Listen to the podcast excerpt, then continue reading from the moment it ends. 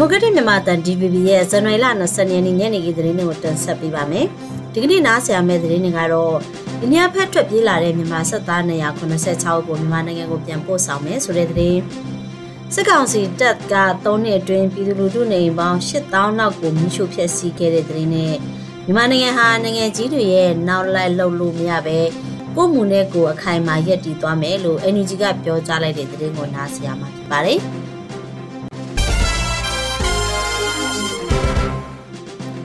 တော်လရဲ့အဖွဲ့တွေနဲ့တိုက်ခတ်မှုဖြစ်ပွားရာကနေအိန္ဒိယနိုင်ငံမီဆိုရမ်ပြည်နယ်ကိုထွက်ပြေးတိမ်းရှောင်လာတဲ့မြန်မာစစ်ကောင်စီတပ်ဖွဲ့ဝင်တွေ86ယောက်ကိုမြန်မာနိုင်ငံကိုပြန်လည်ပို့ဆောင်မယ်လို့အိန္ဒိယစစ်တပ်အရာရှိကဇန်နဝါရီလ22ရက်နေ့မှာပြောလိုက်ပါတယ်။မြန်မာစစ်တပ်286ယောက်ကိုတင်းလာနေတဲ့အင်္ဂါနေ့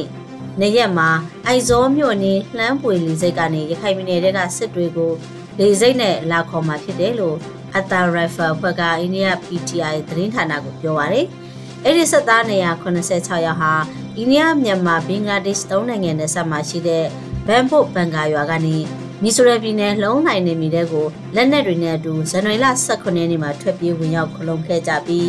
အတာရိုင်ဖယ်တပ်ဖွဲ့ကိုဆက်သွယ်ခဲ့တာလို့ဆိုပါတယ်။သူတို့ကိုနီနာကဘာဗာအတန်ရိုင်ဖယ်စခန်းကိုခေါ်ဆောင်သွားပြီးတဲ့နောက်အများစုကိုလွန်းလေစခန်းကိုပို့ဆောင်ခဲ့ကြောင်းအတာရိုင်ဖယ်တပ်ဖွဲ့ကသူတို့ကိုစောင့်ကြည့်ထိန်းသိမ်းထားခဲ့တဲ့အကြောင်းသိရပါတယ်။ အဲ့ဒီဆက်သား286ယောက်ကိုလမ်းပွေလီစိတ်ကနေမြန်မာနိုင်ငံကိုပြန်ပို့ရတဲ့အတွက်ပြီးခဲ့တဲ့စနေနဲ့တနင်္ဂနွေနေ့တို့မှာအိုက်ဇောကိုခေါ်ဆောင်လာခဲ့တာဖြစ်တယ်လို့ဆိုပါတယ်။အဲ့ဒီအဖွဲ့ကိုပုံမှုတယောက်ကဦးဆောင်ပြီးအရာရှိ36ယောက်နဲ့တခြားအစင်း140ပါဝင်ကြောင်းသိရပါတယ်ရှင်။မြန်မာနိုင်ငံအနေနဲ့ဒေသတွင်းနိုင်ငံကြီးတွေရဲ့နောက်မီးဆွဲလှုပ်လို့မရသလိုအင်အားကြီးနိုင်ငံတွေရဲ့နောက်လက်လဲဖြစ်လို့မရပဲကိုယ့်ရဲ့မူနဲ့ခက်ခဲမမာရဲ့တီရှောက်လန်ကြရမှာဖြစ်တယ်လို့ NUG သမ္မတရုံးပြောခွင့်ရသူဦးကျော်စောကပြောပါတယ်။ဇန်နဝါရီလ၁ရက်နေ့က NUG နိုင်ငံသားရေးဝန်ကြီးဌာနကထုတ်ပြန်ထားတဲ့တရုတ်နိုင်ငံဆိုင်ရာသဘောထားနဲ့ပတ်သက်ပြီးနိုင်ငံရေးတက်ကြွလှုပ်ရှားသူတွေကဝေဖန်ခဲ့တဲ့ပုံမှာ NUG ဘက်ကပြောကြားလိုက်တာဖြစ်ပါတယ်။နိုင်ငံကြီးတွေရဲ့ကြားမှာညှက်လို့လည်းမဖြစ်ကြောင်းလှုပ်ဆောင်ချက်တွေဟာပြည်သူတွေအတွက်မြို့တော်လိုင်းရဲ့အတွက်ကိုဦးထိပ်ထားပြီးတော့လောက်ကန်နေတာဖြစ်တယ်လို့လည်းပြောပါတယ်။ NUG နိုင်ငံသားရေးရဲ့ထုတ်ပြန်ချက်မှာ One China Principle တရုတ်တနိုင်ငံတည်းမူဝါဒကိုသုံးနှုန်းခဲ့တာကြောင့်မြို့တော်လင်းမှာမြန်မာပြည်သူကိုထောက်ခံအားပေးခဲ့တဲ့ Milchi Alliance အဖွဲ့တိုင်ဝမ်နဲ့ဟောင်ကောင်ကလူငယ်တွေအတွက် NUG ထုတ်ပြန်ချက်ဟာစိတ်မသက်မသာဖြစ်စေခဲ့ပြီးပြန်သုံးသပ်ဖို့တိုက်တွန်းချက်တရက်ကိုပြီးခဲ့တဲ့ရက်ပိုင်းကထုတ်ပြန်ခဲ့ပါတယ်။ဝေဖန်တိုက်တွန်းမှုတွေနဲ့ပတ်သက်ပြီးမြို့ဦးတော်လန်ရေးအစပိုင်းကလေးကပြည်သူ့ဘက်ကရက်တီပေးခဲ့တဲ့ Military Alliance အပါအဝင်အစိုးအဖွဲ့အားလုံးကိုလေးစားတံမိုးထားပြီးအခြေအနေအချိန်ခါရအခုလိုထုတ်ပြန်ကြေညာခဲ့ရတာလို့ NUG သမ္မတယုံတာဝန်ရှိသူကပြောပါတယ်ရှင်။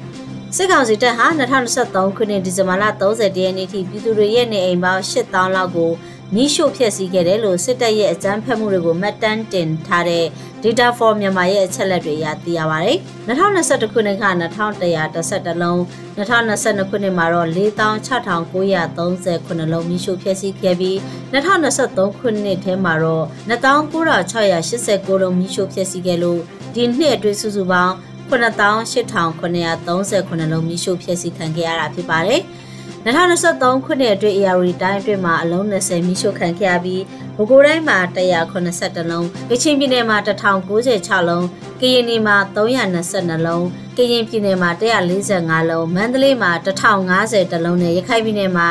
150တနင်္သာရီမှာ606လုံးရှမ်းပြည်မြောက်ပိုင်းမှာ18လုံးရန်ကုန်တိုင်းမှာတလုံးမိရှုခံခဲ့ရတာဖြစ်ပြီးအရင်နှစ်တွေထက်ပိုခဲ့ပါတယ်ရှင်။ပဲခူးတိုင်းပဲခူးမြို့ဥတ္တာမြို့တင်မှာရှိတဲ့ ပင်စီဈေးကိုဇန်နဝါရီလ21ရက်နေ့ကစပြီးဖျက်သိမ်းရမယ်လို့ပဲခူးစီပင်ကနေဈေးသည်တွေကိုလာပြောကြောင်းပင်စီဈေးမှာဈေးရောက်နေတဲ့ဈေးသည်စီကနေသိရပါတယ်။ပင်စီဈေးဟာလွန်ခဲ့တဲ့နှစ်20ကျော်ကလေးက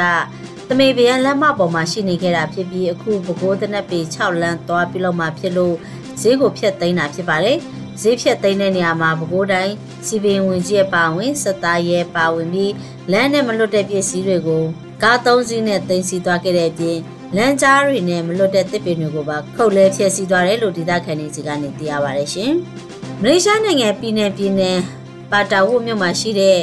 Royal Luxury Night Club မှာစီမံချက်နဲ့ဖမ်းဆီးခံခဲ့ရတဲ့ဆိုတော့အီမီဇန်မော်ရယ်ဖူးပွင့်ခိုင်တဲ့ DJ သမားတွေအပါအဝင်သူတို့နဲ့အတူဖမ်းဆီးခံထားတဲ့မြန်မာနိုင်ငံသားအယောက်90ကျော်ဟာစစ်ဆေးခံနေရဆဲဖြစ်ပြီးဒီနေ့ထိပြန်မလွတ်လာသေးဘူးလို့သိရပါတယ်။ ခွင့်ပြုမိတ်မရှိဘဲရှိုးပွဲဖျော်ဖြေမှုကြောင့်အဖက်ခံထားရသူတွေဟာဒီကနေ့အထိပြန်မလွတ်လာသေးတာလို့မလေးရှားရောက်မြန်မာတိုင်ဝမ်ကပြောပါရယ်ဖက်စီခံရသူတွေထက်မှအမျိုးသား30နှစ်ယောက်နဲ့အမျိုးသမီးအယောက်20ဝန်းကျင်ပါဝင်ပြီးတခြားအထောက်အထားရှိသူတွေပါဖက်စီခံထားရတယ်လို့ဆိုပါတယ်ဖက်စီခံထားတဲ့မြန်မာနိုင်ငံသားအယောက်90ကျော်မှာ